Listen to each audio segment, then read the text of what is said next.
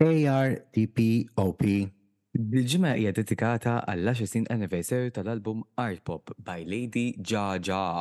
U qabel ma nitkellmu fuq Artpop, ħa niddiskutu wkoll it-tielet ġimgħa tal-Malta Song b'disa' kanzunetti oħra.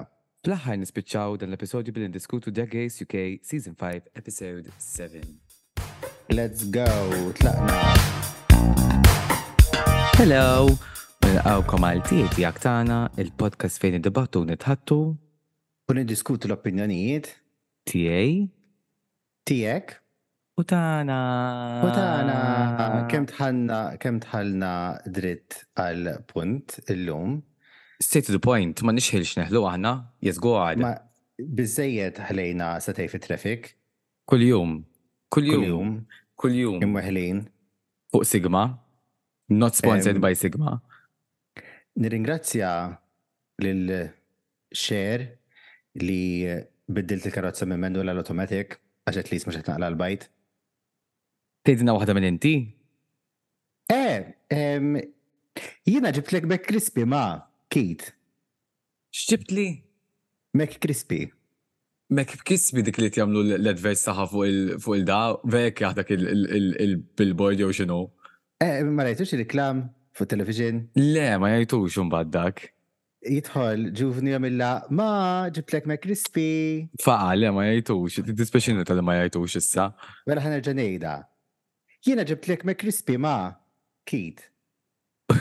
U jiena dik il-kaxxija li dejjem nistaqsik jekk m'għandekx kard magħna. Keg. Loyalty card. Għandek loyalty card. Għandek customer number. Għandek customer number. Għandek. Le m'għandix waħda m'għandi tommi, nistanti kien number. Nistanti kien number tommi. Eh, minuta. Minuta ħansibu. Eh, dal-episodju li qed nirrekordjaw illum joħroġ meta aħna nkun qegħdin London. London.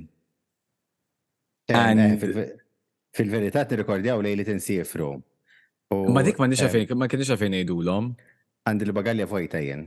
Vojta, da mhux lest. Le, tu bifej għandi l-ħwejjeġ lesti fuq il-bagalja, ġis mhux qegħdin ġol-bagalja. So, bagalja maluqa u vojta. So prattikalment palma kull meta nagħmlu meta nsifru, ħankunu qegħdin nagħmlu kollox fuq stories, anything minn vlogs sal-aħħar aħna stories nieħduh. Apparti minn hekk għandna il-Jessie Ware, so hija waħda mill-aktar artisti favoriti tagħna. Imma to be honest, like konna għamilna weekend Għawdex, allura ma kellniex ċans naraw l-Malta Song laqqas Drag Race, allura ridna ċans Ekku.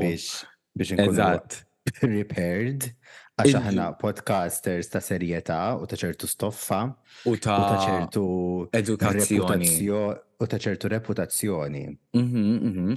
Speaking of reputazzjoni, il-ġimgħa l-oħra palma tafu jekk ma kontux tafu għax għażist. Nista' ngħidlek il-kelma? Mhm. Ok, bl-IPI ta'. Well, that ship has sailed. Eżatt. Il-ġimgħa l-oħra Beyoncé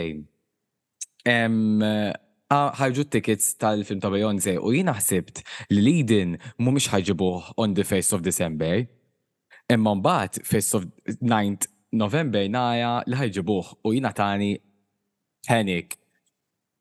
panic, tipo waqaft milli qed nagħmel nipprova nibbukkja tickets, il-website mhux qed taħdim li idu nirranġaw il-website. Dħalt fuq l-application, nsejt l-email, nsejt il-password, kollox għamilt.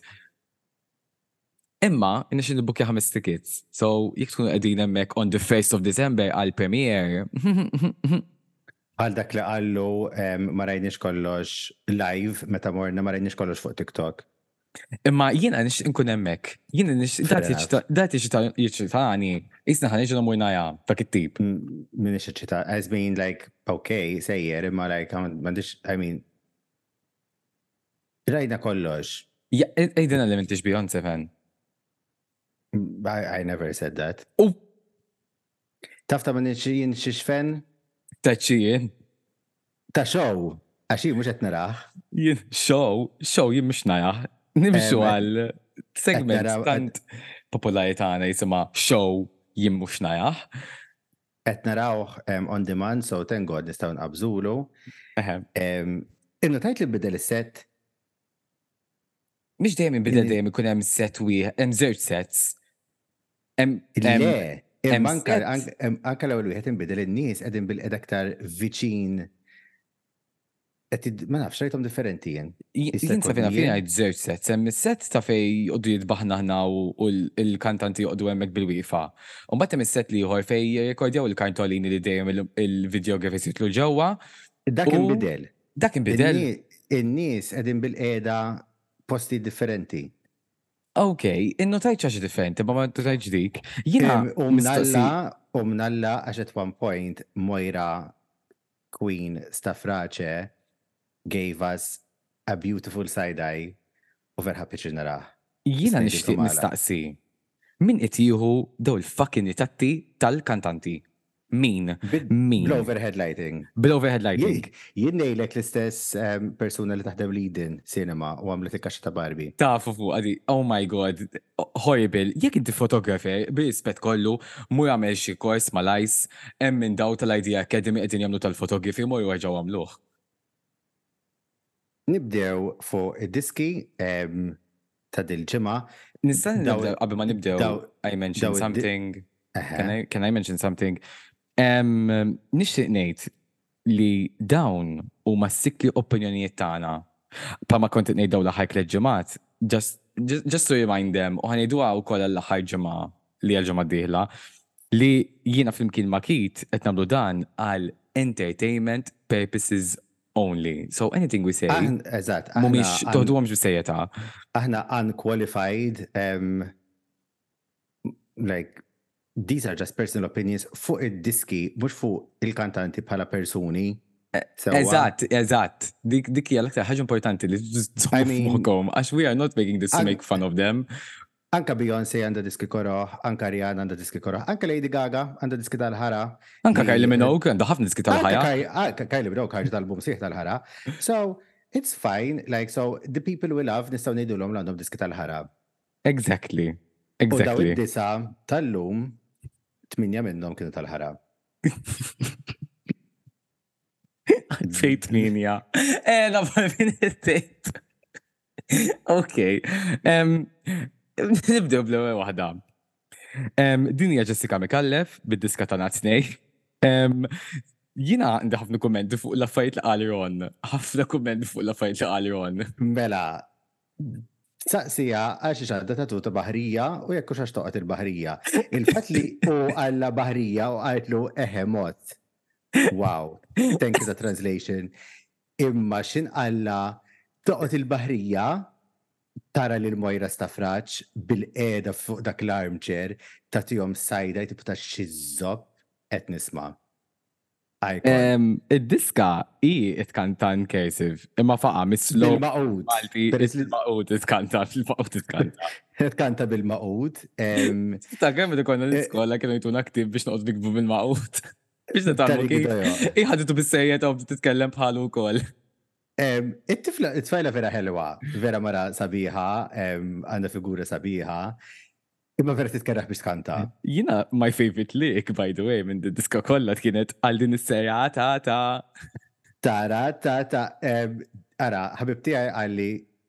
li jekk tidħol fuq ChatGPT u tgħidlu iktibli diska bil-Malti bl-istil ta' Camila Cabello, ħarġet ta' natnej ta' Jessica Micallef.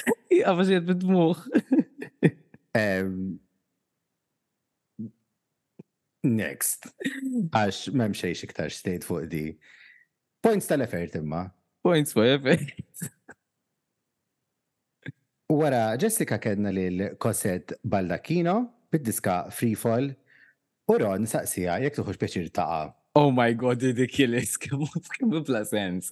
Qed nidħaq bih, like mhux miegħu bih qed nidħaq. Ehm, I actually thought it was a pretty good ballad for a ballad. Id-diska tfakkitni f'disk'oħja, like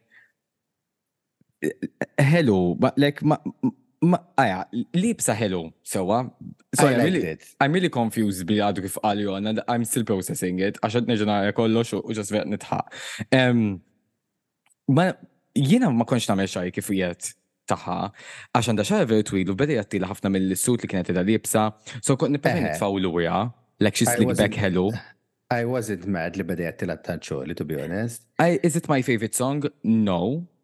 No, but, but I don't I really mind it. voice. Exactly. Għamlet ħafna belting għal xej at some point. Eħe. Ma uh, it's fine, nifhmu ħafna parti minn diska, mid-diski.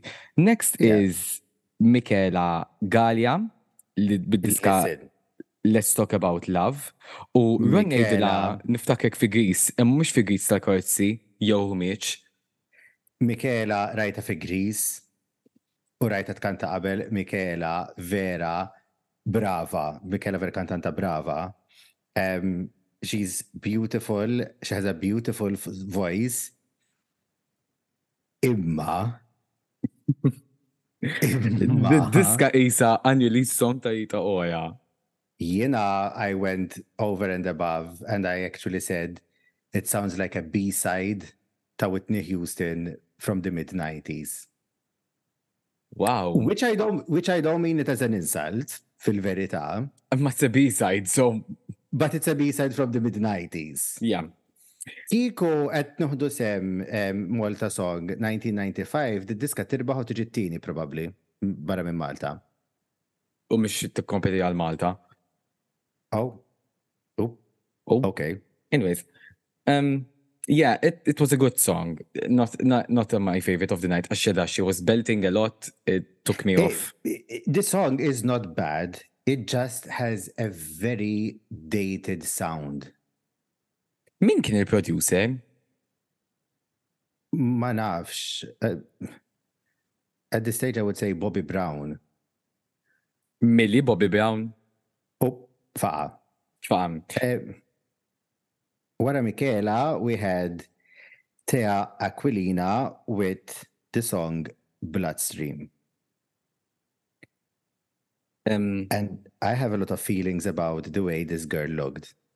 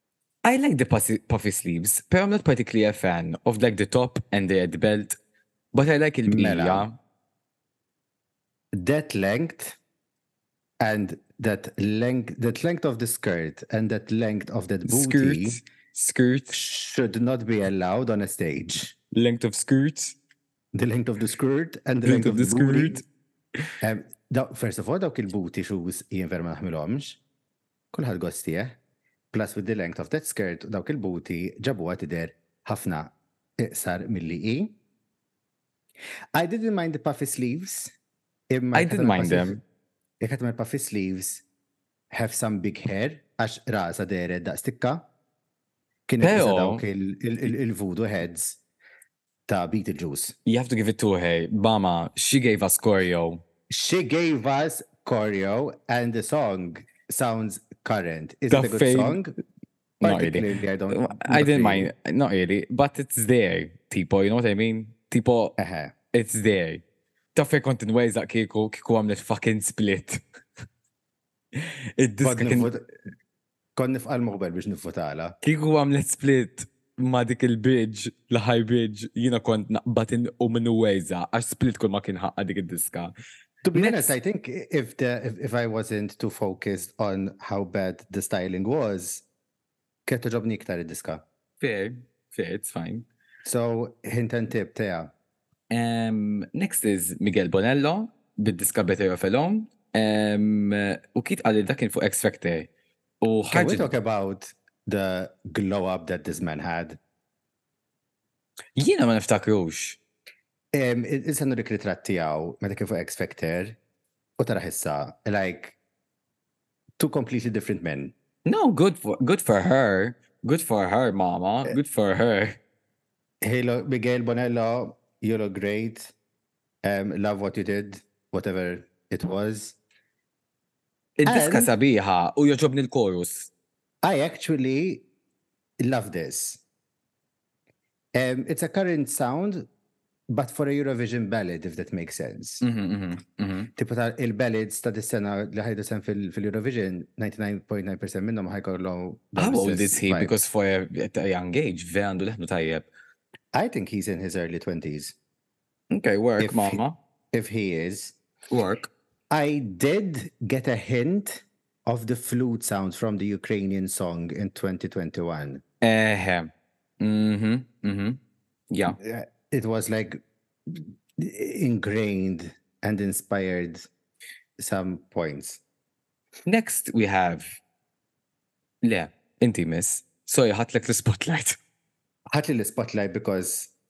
honestly, this was the highlight of the night. Moira stafraċe, eh, icon, legend, Malta song veteran. She had the song Feather Flight. First of all, she looks amazing. Oh, Kanti, dik bisko ma Kanti. She's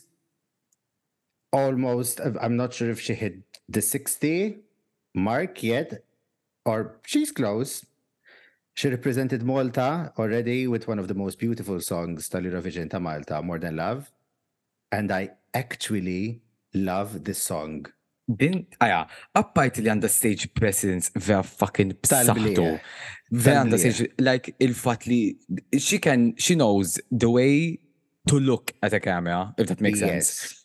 Appajt, din id-diska propja is diska ta' early 2000s tipo club banger xaħġi li għamil Dead Mouse ħassejta jiena. But it sounds current at the same time. Eżatt. But like this could be like a Dead Mouse song. Yes. Dan, next is Dan. Dan Muscat. Dan Muscat bid-diska Bajxa, ba, Barax. bajax, oh my god, jina ba, ba, ba, sorry tqabadni bid-dyslexia attack. Em, Hawnhekk nerġa' ngħid bħal met kull fucking ġimgħa, is-sound huwa fucking horrible. Horrible. Ma stajtx nifhmu. Horribbli. Ma, ma stajtx nifhmu, ma, ma, ma stajtx nifhmek, Dan. Em, jiena I never thought I would see the day li ħa ngħid qbilt ma' Ron. Imma Ximron qallu, Jekk il-blazer hux magħmul mid-damask tal-Gazin, kelli naqbel miegħu. Imma hu irrisponda qallu, qallu iwa, għax peress li kien meta l-festa. Seta' qallu le għax jidher proprju pavaljun dak il-blazer. Ieqaf. Taf ħaġa oħra li notajt, sorry den, mhux int biss, imma fuqek notajt l-iktar, u rajt tarġi l-oħra. Il-foundation tal-irġiel ma jaqbix monqom. U? Jista' jkun ħabba dawl, jista' jkun ħabba il- Il-overhead lighting ikrah li għandhom. Overhead lighting ma jgħinx. Imma, I actually like the song, But, naħseb kienet togħġobni iktar kieku ħadet sehem f'Mużika F'Mużika. Eżatt, it sounds like a Mużika F'Mużika sound. It sounds like a Maltese traditional song. Like, jiena I don't believe li għandna bżonn diska bil-Malti biex immorru l-Eurovision. Le qass jiena. Ħadd ma tieti kas nagħmel bl-Ingliż, aħseb wara bil-Malti, guys. Aħjar immorru muti. Darba kienet rebħet diska instrumental. 95 or 94? Yes li tgħidilna li ma tħobbx l-Eurovision imma taf kollox. Għax dak niftakar ta' meta kont żgħirin hu. Oh fair point. Next qed naħodlok l-spotlight ħudhom inti. It's okay. I mean okay. Next is Stefan with the song Nam. Nista' point out something? Eh. Min qed jagħmel il-pronts tal-kartolinja? M'għandix idea. U nista' nkun naf għalfej waqt Ron beda jitkellem miegħu semmejtu l-banana apposta tipo, like semmejtu l-banana apposta għax tafu li gay u aħna l-gays jgħidu eh ma xtab il-banana. Like girl shut the fuck up, that was not funny, vera nħajaqt meta qala dik is-sentenza. Anyway, um, I'm not a fan of anything that was going on. Um, I have, and mux għandi problema fil-verita, vera, I, I don't buy what Stefan is selling. Te, fis-sens illi I see nara disconnection kbira bej il-personalità tiegħu u l-istage presence tiegħu. Te, the stage presence is trying to be edgy but he looks like a really good boy. Faqa'. Vera, vera verità. Vera jidher tifel kwiet, vera tifel sew.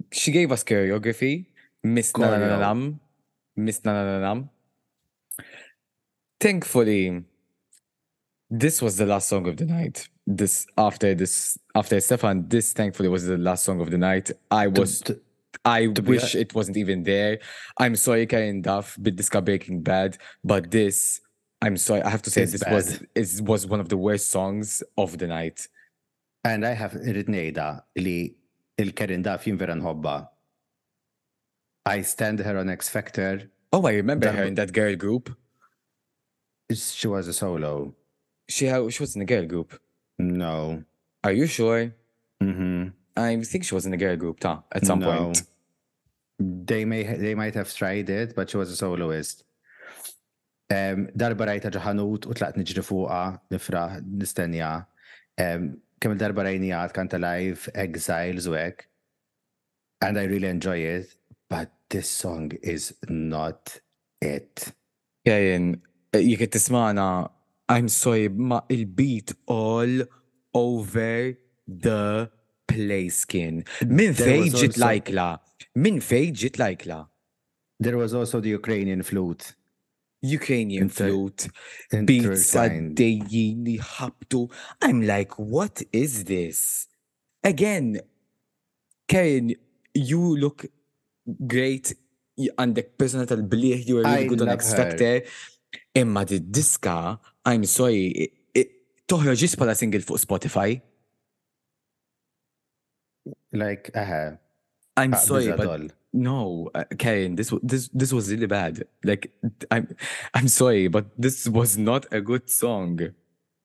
U fil-verità like vera ħatta bi kbira I was looking forward biex nara. Anka jiena, I was expecting. Xa toħroġ Karen. Dik lajkla minn fejġiet. Minn fejġiet dik lajkla. Dik lajkla ġiet u telqet Catch Me or I Go.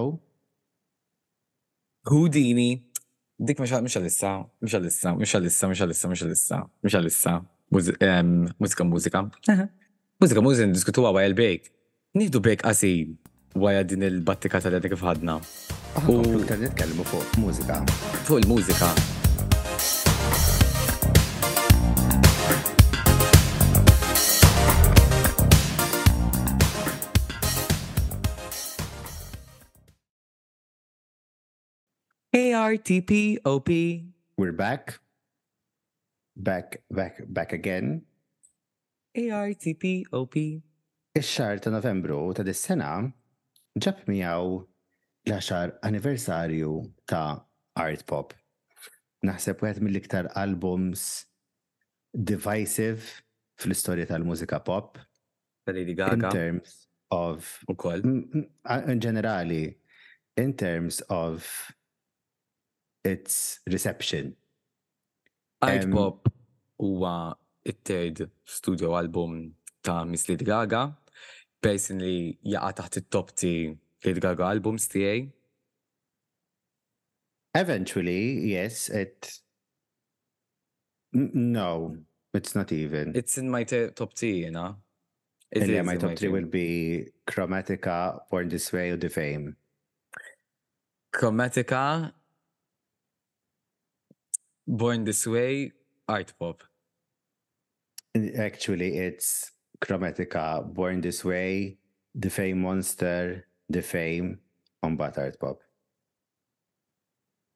Din diskussjoni dal-boħja fuq Lady Gaga biss.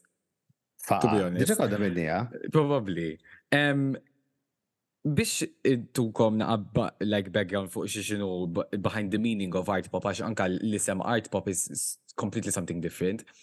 Um, she tweeted out herself from someone that asks what the meaning of art pop is, and she said is an ex- is it, it is an exchange between two artists, one from the sphere of pop, the other of art, that results in the two meaning meetings of the minds." So this was posted like back in 2013. So probably um, meaning it changed da' mean Lady Gaga kienet um,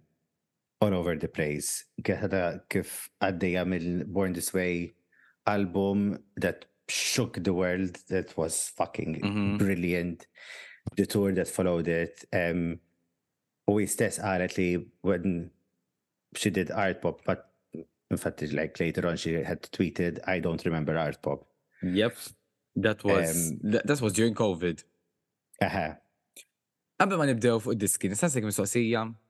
Eħe. Fejn kont meta smajtu dan l-album inti? Jien niftakar, insejt fejn kont eżatt imma kont xi mkien. Work van diva, work diva. Le, ma kont xi mkien, xi ħadd bagħat li li it got leaked and I literally drove home biex nisimgħu u smajtu fil-kamra tas-sodda tiegħi just to give you also some context kont għadni kif inħassar minn relazzjoni kemm xejn twila u dak l-album kien salvani anyway. Għalkemm ma kienx oġobni for the very first few listens. Fair, fair. U inti? Jiena niftakar Smajtu l-iskola ma' Owen. Owen. Gays. Owen dot Excel sheet. Gays. Niftakarna fejn qegħdin ċaj. Niftakarni nisimgħu miegħu l-ewwel darba and it was something completely different. Kienet għadek ftoħroġ applause. Mbagħad f'daqqa waħda a few months later Lady Gaga just dropped the album and I'm like what the fuck? And it was naħseb the first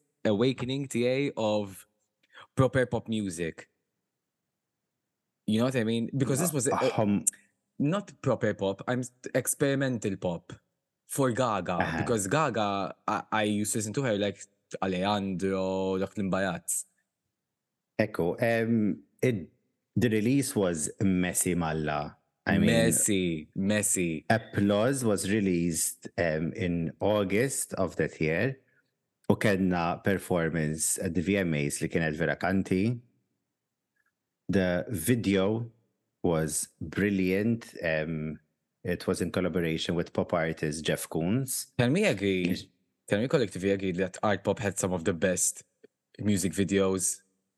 Yes, definitely. Well, it only had two fil-verità. Technically, the, the two one, it had a lot of, like, GUI had Venus in it. Yes, it wasn't in full. U kien hemm video ta' disk oħra li l-lum il-ġurnata ma tinsabx. U fl-album. And we also, we will get to it. Nibdew bid-diski? Yes. Let's go! Nibdew bl-ewwel diska. L-ewwel diska hija Ora Aah! And what a fucking opener for an album. Jien hekk għedt, mill-bidu ta' did-diska, għal min ma jafx, il-bidu ta' did-diska it starts with like a kind of like a monologue u hemm min jgħid li there's a speculation li Gaga singing to her song with Beyonce għal telephone. Tiftakarha dik? Eħe. Pero. That was the rumor at the time, imma issa recently ħarġet rumor ġdida. What, what, what was it? Għax nsejt, naftakar konna tkellimni għabejnietna, ma nsejx kienet. Li apparently, because il-video ta' telefon kispiċċa to be continued, u kull, at the time, kullħat kienet jistenna li ora ħatkun id-diska bis-single bil-video li jkompli telefon. Imma recently someone tweeted um, some documents about um, art pop u kien hemm imniżżel li manicure kien ħajkun il-continuation ta' telefon. Okay, work. Yeah. Kemm it-tija inti tiddiska? I would rate Ora as a solid 8 out of 10. I give this song a 10 out of 10.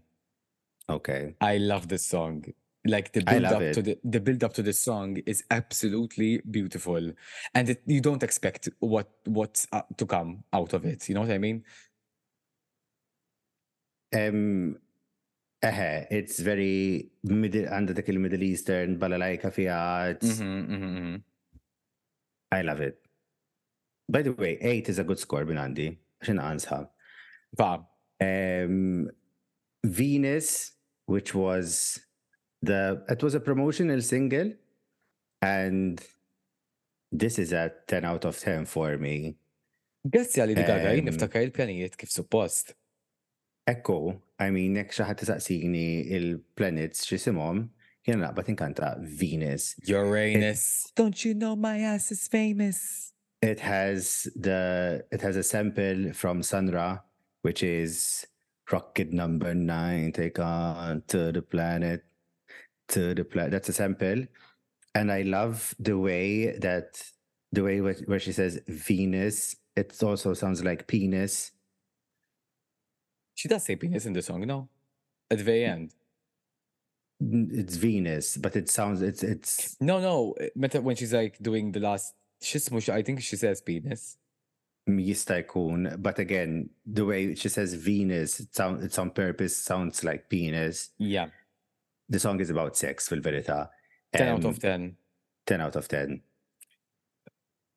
Naħseb wara dik diska possibbli waħda waħda mill-isbaħ singles u l-isbaħ diski ta' Gaga li hija GUI. Wieħed mill-isbaħ music videos għandek il-cameos ta' Real Housewives. No words. Idoqqu l-orkestra mal-pool. No words. Gaga looking stun. Such a good song. Such a And- fucking good song. A solid 10 out of 10. 10 out of 10. Nsajdlek storja fuq għad diska Mhm. Em, meta meta ħaġi kienet għadha kif ħaġi diska u kienet ħaġi bħala single, em, niftakar kont qiegħed ma' Jordan, konna nqogħdu ħafna fuq Skype dak iż-żmien u konna nqogħdu nagħmlu video calls u konna nqogħdu nitgħallmu il-music, il- il-choreography ta' GUI. Slay, kemm intom bravi! Iva, u mbagħad eventually komplejt nagħmlhom waħdi ġodda ma kienx tagħmlhom miegħi. Imma di diska hija 10 out of 10. Another 10 out of 10 minn għandi goes to Sex Dreams. Oh my god. Din id-diska hija top A. Bil-Malti ħanejda top A. First of all, ma nafx jekk ħadd qatt manduna imma did-diska Lady Gaga qed tilliżbjanixxi ruħha Eħe. ma' mara. Għax qed Eħe. tkanta la qed tgħidilha li l-boyfriend tagħha telaq l-hemm. I can't believe I'm telling you this but I get a little drunk at night. I love that bit. L-isbaħ Kemm biċċa, pjaċir. l-isbaħ biċċa. L-isbaħ U biċċa. il-fatt, il-fatt li It the song is split into two mingħajr ma tinduna but when sh when Gaga is singing she's talking to her lover and when she's talking it's the voices in her head the her sexual fantasies in her head. Mhux mhux għalhekk mingħajr qiegħed jgħid when I lay in bed I touch myself and think of you? Eżatt. Last night. Kemm hi sabiħa did-diska. It was supposed to be a single as well. Could have been, easily. Anyways, ten out of ten. Ten out of ten. Next niġu għad-diska li hija least favorite ta' Keith. Listen. This is one of nista. This is one of Gaga's favorite songs. Kieku nista' neħħekja il-record label ta' Lady Gaga unħassar d-diska minn minn l-internet nagħmilha. The diska hija Jews and Drugs. Kera men. I love this song, just li rap iddejjaqni. Kera, malla. I love this. Gave the song a 1 out of 10. I gave the song a 7 out of 10. Laqqas la 1 fil-verità. I, there is something about this song that, that I enjoy. But I just don't like the the app. The app completely ticks me off. Naħseb kieku din diska kienet fuq The Fame. Konna laqajn. Va. Imma kieku għalli kieku ma ħarġitx u kont laq żewġ għajnejn għax ma kienx teżisti. Kieku ma eżistitx. Issa nitkellmu fuq diski li jeżistu fil-cloud. li xtaqt iktar minn Jewels and Rugs fil-verità. Wara Jewels and Rugs there was Manicure which is it's stylized to be written as Man I Cure. Infatti, eżatt. Capital MAN, Isaiah, u Capital Cure. I don't know how to feel about this song, like I don't love it, I don't hate it, I give it a 6. L-istess bħalek qed. No, I give it a 7.5.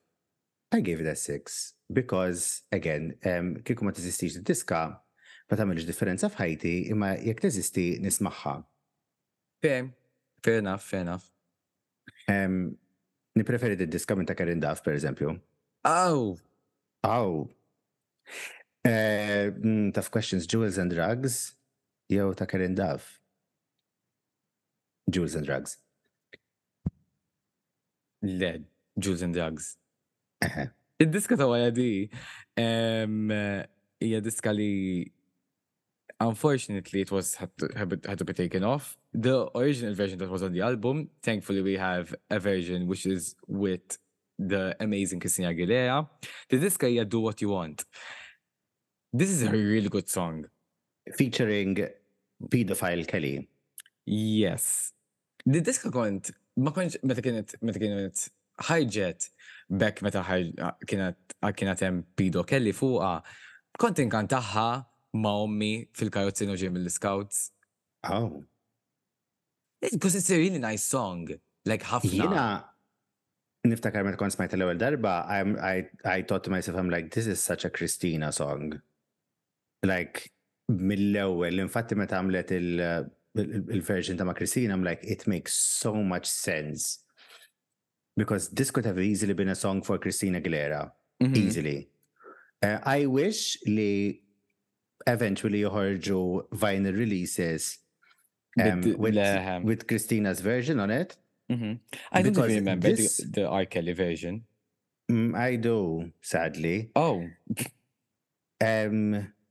Bek trid għandi MP3 nibatilek. Faqa. There was a music video also for this song. Li apparently it was a bit too sexual, especially bil-affarijiet li qed jiġu barkeli u ma ħareġ. But if you go on YouTube or Google, you might find a version of it. Mhm. But technically, I would give the version with Christina Aguilera 10 out of 10. I would give it a, I would give this song a, a solid 8 out of 10. Um, the title track for the song is Art Pop, and this song is Ma nafx, ikollha bdiet ninża' magħha u niddisfina rwien taħt il-fulmun. Possibbli waħda mill-aqwa diski tal-album, personally. I gave it a nine out of ten. I also gave it a nine out of ten.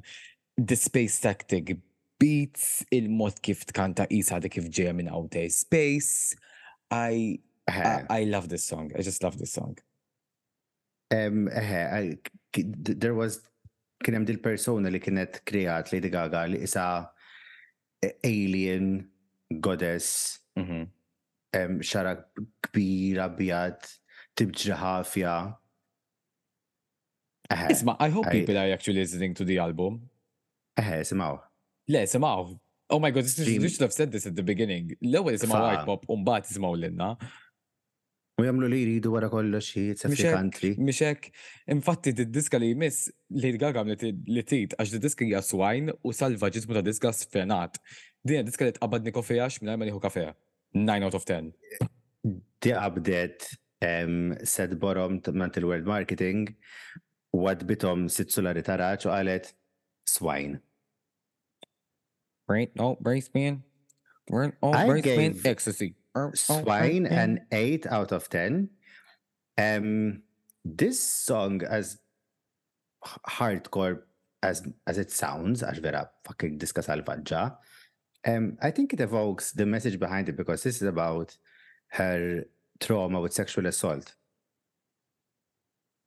And oh. like she's referring to her assault whoever assaulted her as the swine.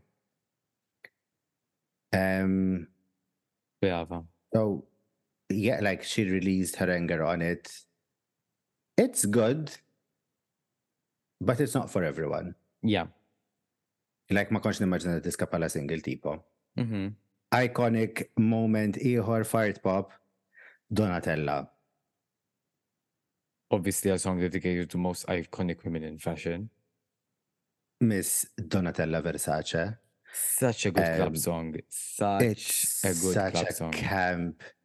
So anke xint tibda tiftaħ il-champagne and you hear the bubbles fizz and the the intro I am so fab check it out I'm blonde I'm skinny I'm rich and I'm a little bit of a bitch u aħna l-gays whether jekk aħniex blonde skinny u rich kollha ngħiduha.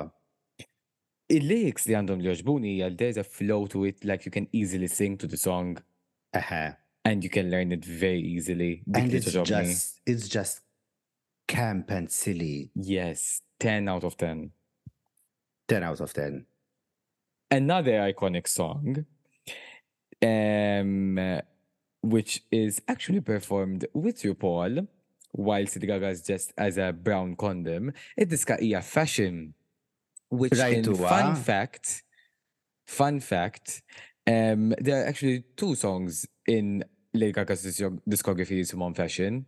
Waħda uh -huh. mill-Fashion suppost kienet tkun fuq The Fame, imma nflok we ended up with this. Il-Fashion l-oħra vera tajba, you can actually listen to it on YouTube. Il-Fashion l-oħra spiċċat fuq um, il-soundtrack ta' Confessions of a Shopaholic. Plus, ok, fun fact, ma nafx jekk tafux min hi l-hardcore pop gays Davide, Davide naf li tismani fit-traffic Monday morning, taf għal min ħa ngħid, Heidi Montag. Ok, naf min hi. Ok, queen. Basically, Gaga wrote the song, Fashion, l-ewwel waħda mhux di, and the record label gave it to Heidi Montag,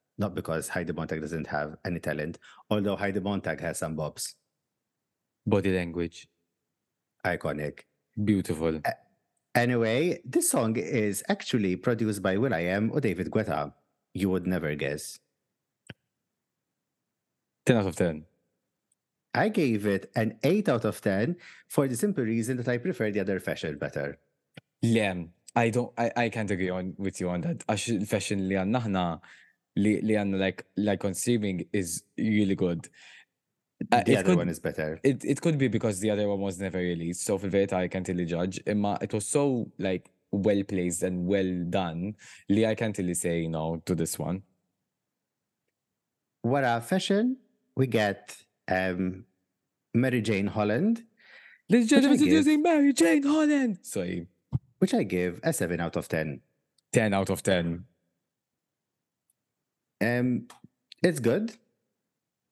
I, um, niftakar darba, meta konta 8, l-ewel darba Amsterdam konta 8, I'm like, haha, Mary Jane Holland, woo. Niselek fun fact u story oħra fuq għadi. Mm-hmm. You can realize li Art Pop literally shaved my life meta kont għadni in 2013. Shaved. Shaped. Eh. Shaved, shaved Pal xaj, actually tinta wara. Bil-hairline. So, oh. Oh. Eh, fun fact, em, jina kont qiegħed fuq littlemonse.com, int kont fuq littlemonse.com tgħid gaga. Kelli profil Ovvja. ma nafx kont nisaħ imma. Ovvja, li anka jena kelli profile. Imma darba kont qiegħed fl-era tiegħi li nibda npenġi. U kont penġejt il-Lady Gaga Bil-unicorn tattoo u għandha crown kollu kollu ħaxixa fuqu like il-weraq. U kont penġejtha għajjatt lil ommi biex tiġi tarha u għamlet fuss kbir u tarhat fil-kurutur lil missieri għax penġejt lil Lady Gaga bil-weraq tal-ħaxixa fuqha. Actually jekk insibha nurihilkom. Hekk kont ħa ngħidlek, kont ngħidlek jekk insibha please urihielna. Ħa nfittxha, stenna ħa nfittxha. Id-diska li jmiss hija I Need You More Than Dope. Eight. Seven. Eight. Um, I could feel Lady Gaga's pain in her voice. Basically, this is about her. Um, it, it's an apology. I mean, I'll friends or family Tahali when she was addicted to um, narcotics. Um, it's a beautiful ballad. Um, I don't. I don't think it's anywhere close to what Lady Gaga can do as a ballad. Yeah, it's a good song. I would love to see her perform this live again. Uh-huh. It, I think she can uh, deliver more now, if that makes sense. Mm-hmm. 7 out of 10. We're getting closer to the first single that was released, but before that, we had Gypsy. Um, actually, I don't think we should actually, I don't think we should be using the word anymore. I think it's a slur. So, but back in um, the day, back in the day. Sorry, I offended Shahad, guys. I'm just mentioning the song's name. I gave the song an eight. It's fun. I gave it an eight as well. Madonna, naħseb l-ewwel waħda li qbilna fuqha, le kien hemm xi tens li qbilna fuqha. Le kien hemm kien hemm kien hemm xi tens u kien hemm waħda li qbilna żgur fuqha. Diskoħja li kont nemmen li vera tajba like it's a really good song. Il-build up tad-diska jogħġobni, is-sound it's so 2013 as well. Anka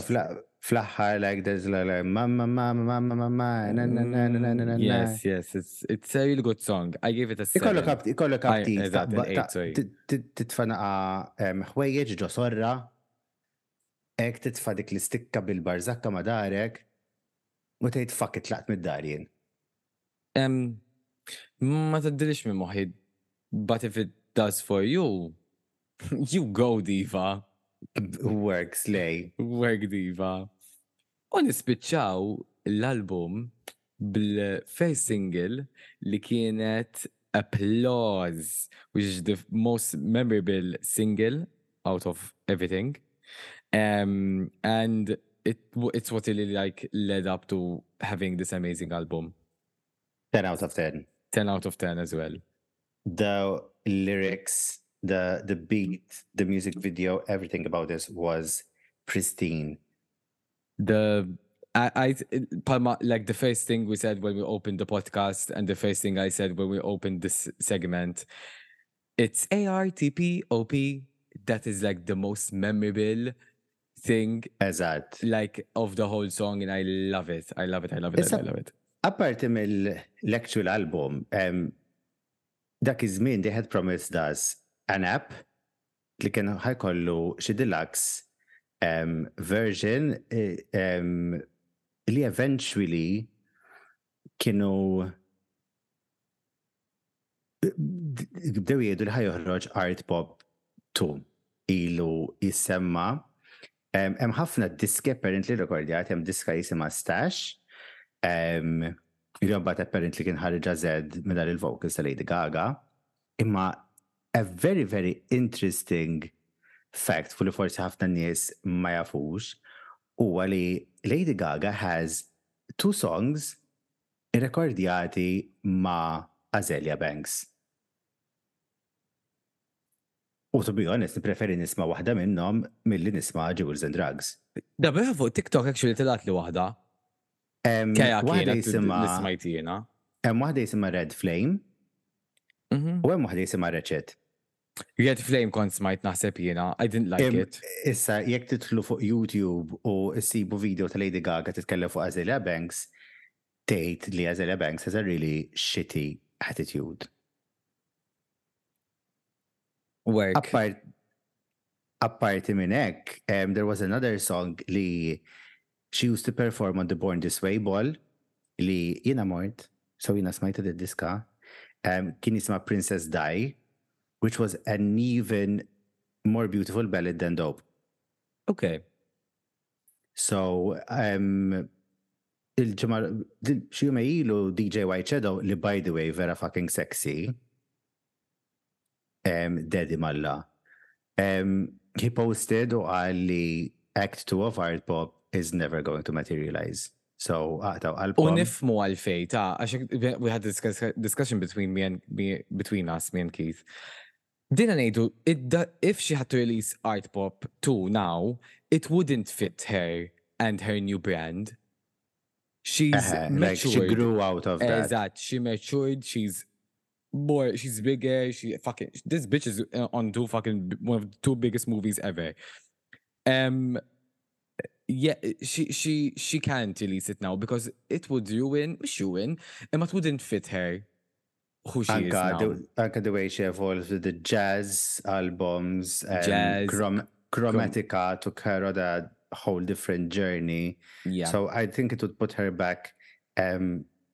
into a dark place fil-verità. Hekk hu. L-aħħar ħaġa li ħa nsemmi hi Art Pop tana wieħed mill-iktar mumenti camp f'wiċċ id-dinja li qatt ikollna. Lady Gaga actually performed a special Thanksgiving show ma' The Muppets. Hi bilħaq On the same show kienet kantat ma' RuPaul, infatti there was also Elton John, imma l-fatt li hemm video ta' Lady Gaga bil-bikini tkanta Venus and the Muppets circling around her and they shout Venus, I mean, come on, camp. Beava. Beava, beava, beava. Wisq. This album from me as a general stand gets an eight point five out of ten. I would give it a nine out of ten. Mil-ħan tiegħi nine ukoll jiena. A nine out of ten. Jekk ikun m'hemmx Jewels and Drugs kien jaqla' ten. Faqa. Fa. Nimxu għal segment tant sabiħ ta' qabel. Tmexxiniex ħafna xi għajjejt. Ma jimpurtax tista' tibqa' bil-qiegħda. Issa nġorruk dil-biċċa jisimha Ma nafx jekk mhix copyright mużika mużika Ma nafx jekk mhix copyright mużika mużika Ma nafx jekk mhix copyright. Apparti li għandna art pop, jien nixtieq insemmi this fucking huge obsession li għandi bid-diska Houdini, oh my God I'm obsessed, ob fucking bsessed, oh my God kemm hi tajba Houdini, kemm hi tajba Houdini, kemm hi tajba Houdini. Houdin hi. Wow, brava. Brava Dua Lipa Brava Dua Lipa M'għandekx The Skin din il-ġimgħa jew hu din ukoll? Le, pretty much the same. Pretty much I would like to let Gemma know that she is a fat cunt. Sorry. Oh, oh, okay. Eħe, Houdini, id-diska tal-ġimgħa tagħna. Ekku. Shout out lil Dua Lipa u lil Tame Impala. Shout out kbira lil Dua Lipa. Nispera tismagħna Dua. U lil Danielle Harl. Ekku. Grazzi Dua. Nimxu bejk ħelu. Għal Drag Race, jekk jogħġbok.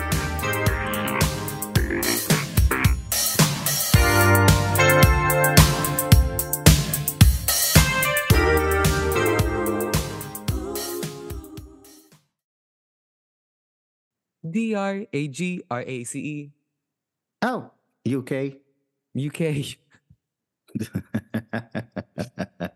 We're getting closer and closer to the end and crowning the UK's fifth drag race superstar.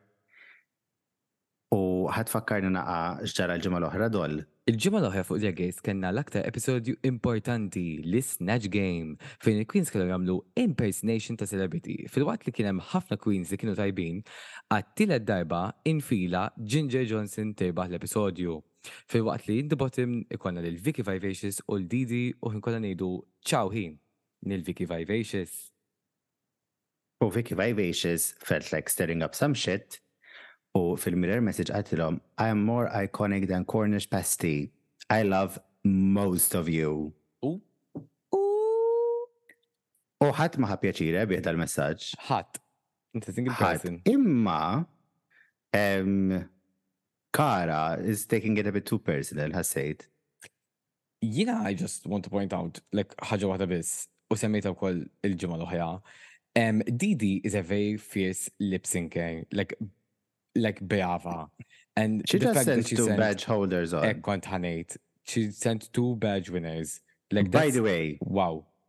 By the way, il-bieraħ jew il-bieraħ tlula bagħatli voice note is-semmiegħ tagħna u bestie tal-pod Joseph Refalo u nixtieq minn hawn inxandrek talli kkoreġejtni fl-iżball li ħadt għax il-ġimgħa l-oħra għedt li Alyssa Edwards kienet għamlet lil Joan Collins fi Snatch Game imma ovvjament I meant Joan Crawford and Vicky had one badge not two.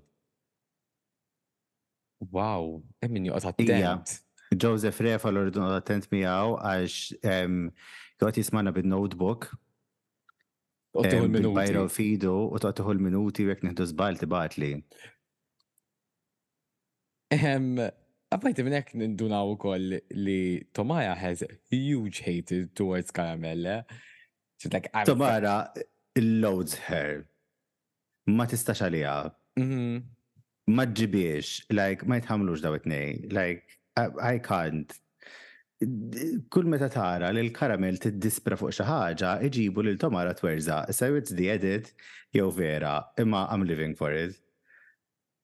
Nimxu għal next week u pas-soltu meta jkunu qegħdin fuq dak il fuq dik il-mejda jistaqsu jien għandi badge l-Erbgħa dil-ġimgħa jiena rrid badge Isma' at this stage il-verità doesn't really matter għax Vicky had a badge, Banksy had a badge, Didi m'għandhiex u bettithom it-tnejn li huma dar so. Yep. Jixgħel dak it-television U tiġi ukoll u tgħidilhom, Hey sis, is your charisma weakness now then talent ready for its close up? Cuz I've cuz I've got part that needs filling. So if you wanna see your names up in the lights you better nail it, nail it real good. U toħroġ Ru bil-piġama tal-Matalan. Kea.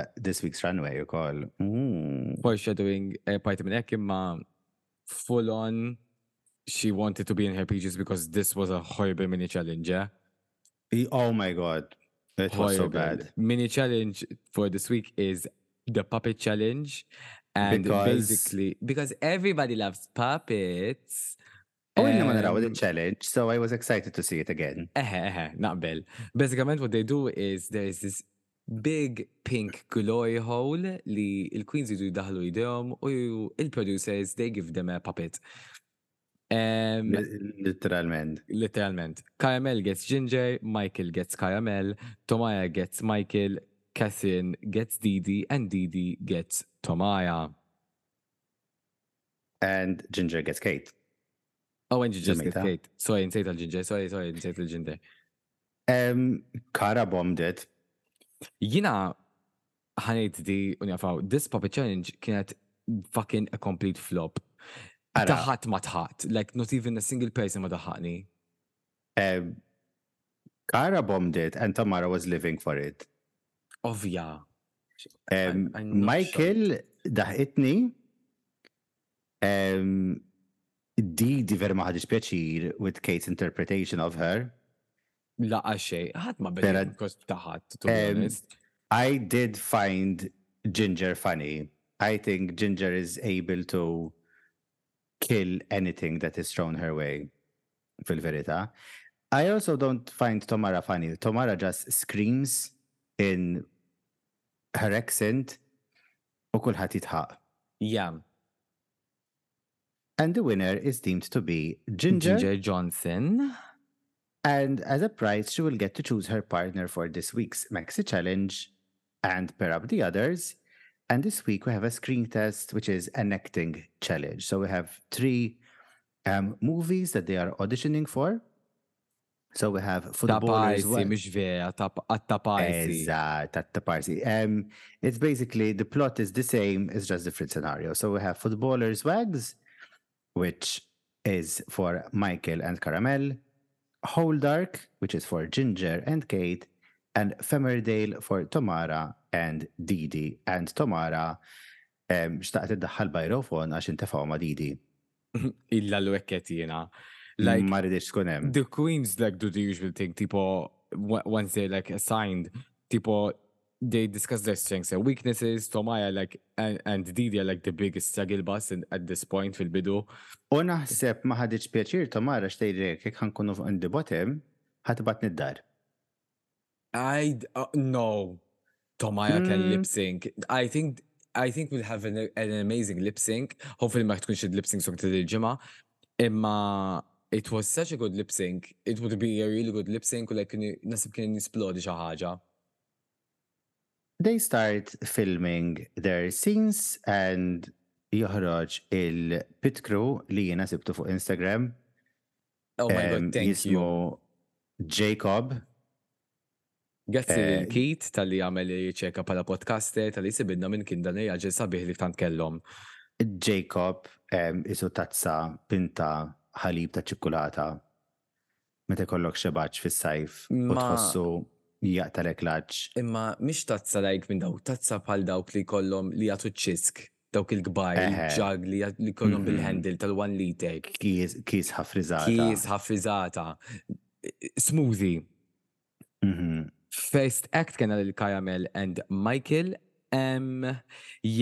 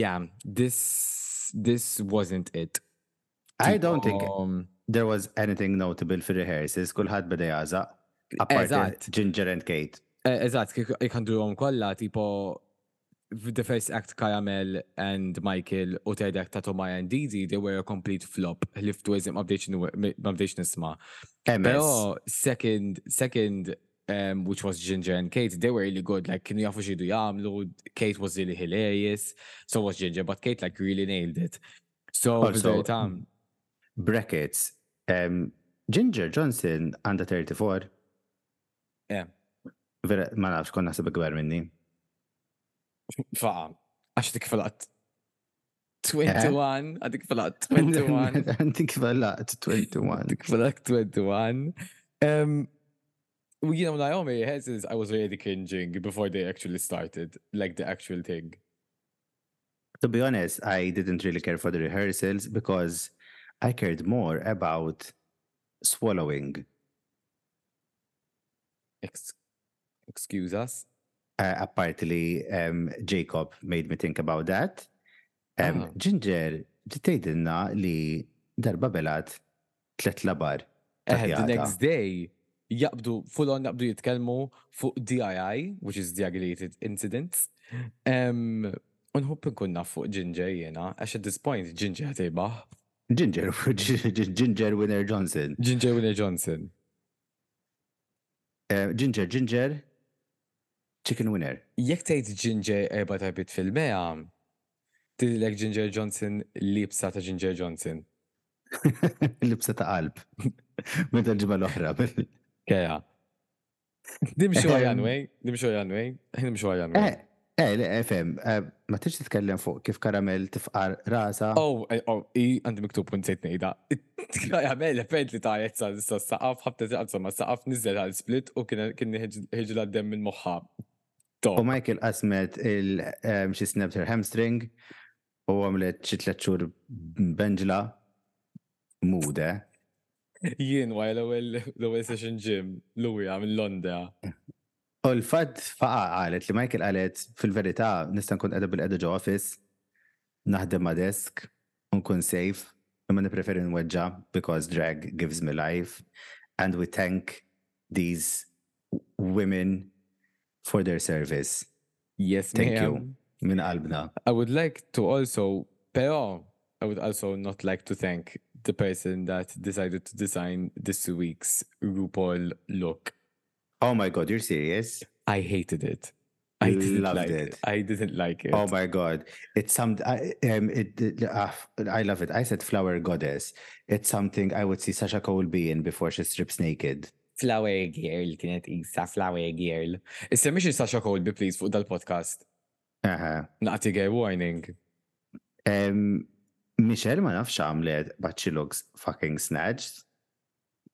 Jina, I just want to comment on Joel, Joel, Joel, Joel. Joel Dammit. Joel Dammit and Dammit, you a ħari, ha? One, vera kien sexy f'dik is-sut roza, u two, um, if you know how to use Google, there are certain videos of Joel Dammit you can find.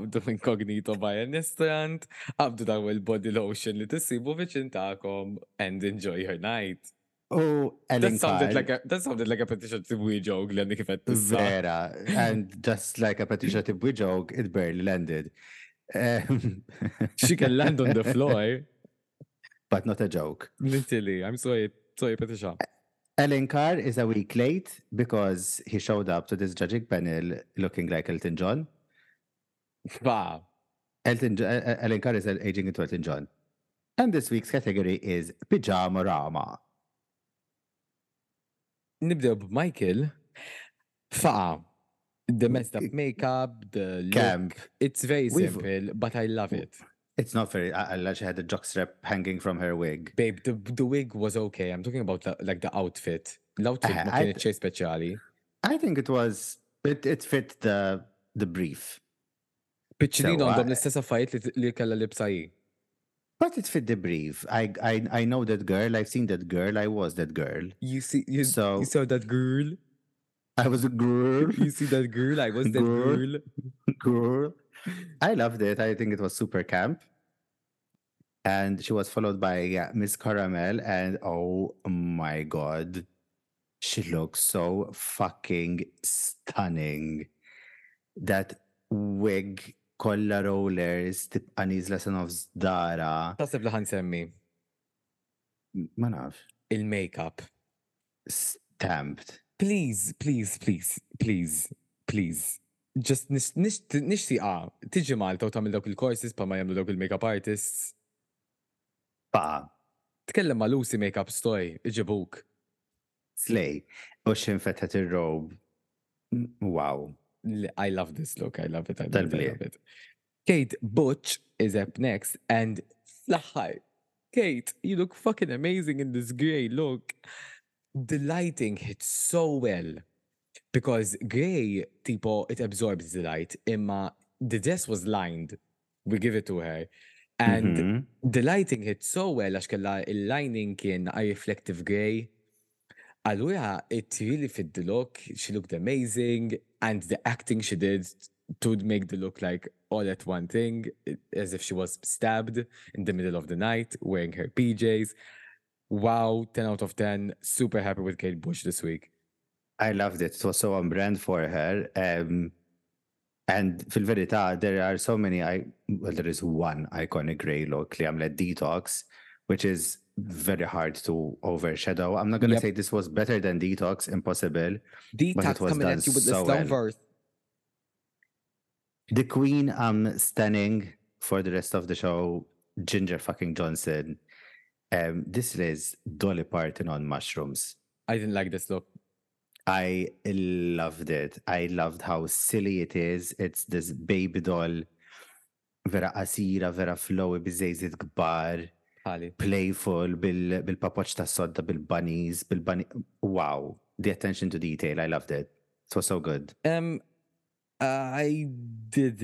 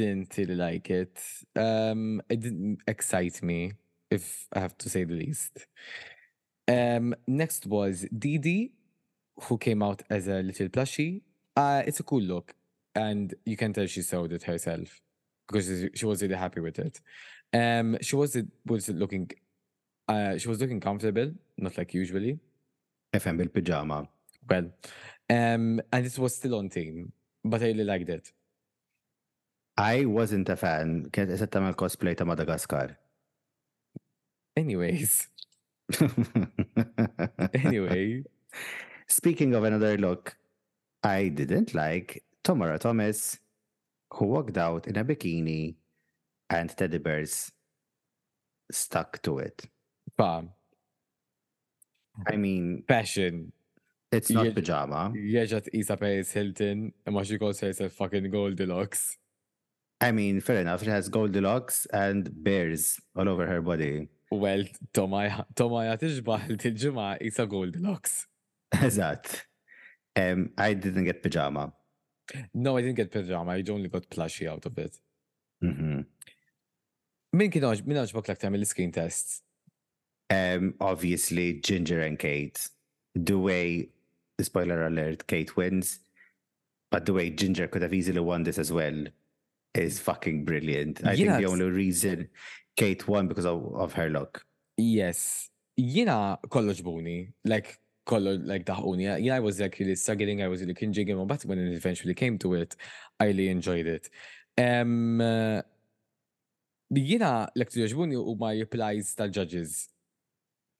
Per eżempju, ta' ta' footballers wags, meta Michael qalet li this is invisible nude għal lipstick I yelled għax vera qed taddahk. Għal whole dark one I couldn't stop looking at Jacob, Jacob fucking sexy b'żaqqu barra. Kate Kate's wig was lifting. I don't know if anyone saw it. Ċilindru eh, down. Kulħat għalla. Kulħat għalla. Michael lil Kate li għajn Michael, madonna, I just call Michelle Michael, what il kitiks Michelle lil Kate, the only hard thing was, was to direct was the hairline of yours, u fucking weżaq terġajt. Also, da segment il-film taħħom, Naf li ħanerġa' nsemmihom apparti mill-fatt li jien vera fucking inħobbhom, imma this was like Bridgerton kieku għamluh The Muppets. Imma. You love The Muppets. I'm obsessed with The Muppets, babe. And um, but make it sexual. So yeah. it's sexual Muppets Bridgerton kien għalija, so it was fucking hilarious. I didn't find Tomara Ordidi funny at all. Bqaj issa stenna. You know why it made me laugh? Għax huma at some point qalu you should watch this in times two speed u jien hekk għamilt. And it's absolutely hilarious in times two speed. Ma tifhimhomx, tagħhom itiru, it's funny. Arahh in times two speed u titqu. Anyway, Kate is deemed the winner. I agree. She yep. was funny. She I looked great. And it's about time that she wins because she's talented. She just doesn't always look good. Yeah. Not me dragging her. Completely. And Michael and Caramel are in the bottom and I don't agree. I do not agree. I do not agree. I do not agree. I do not agree. I do not agree. I do not agree. I do not agree.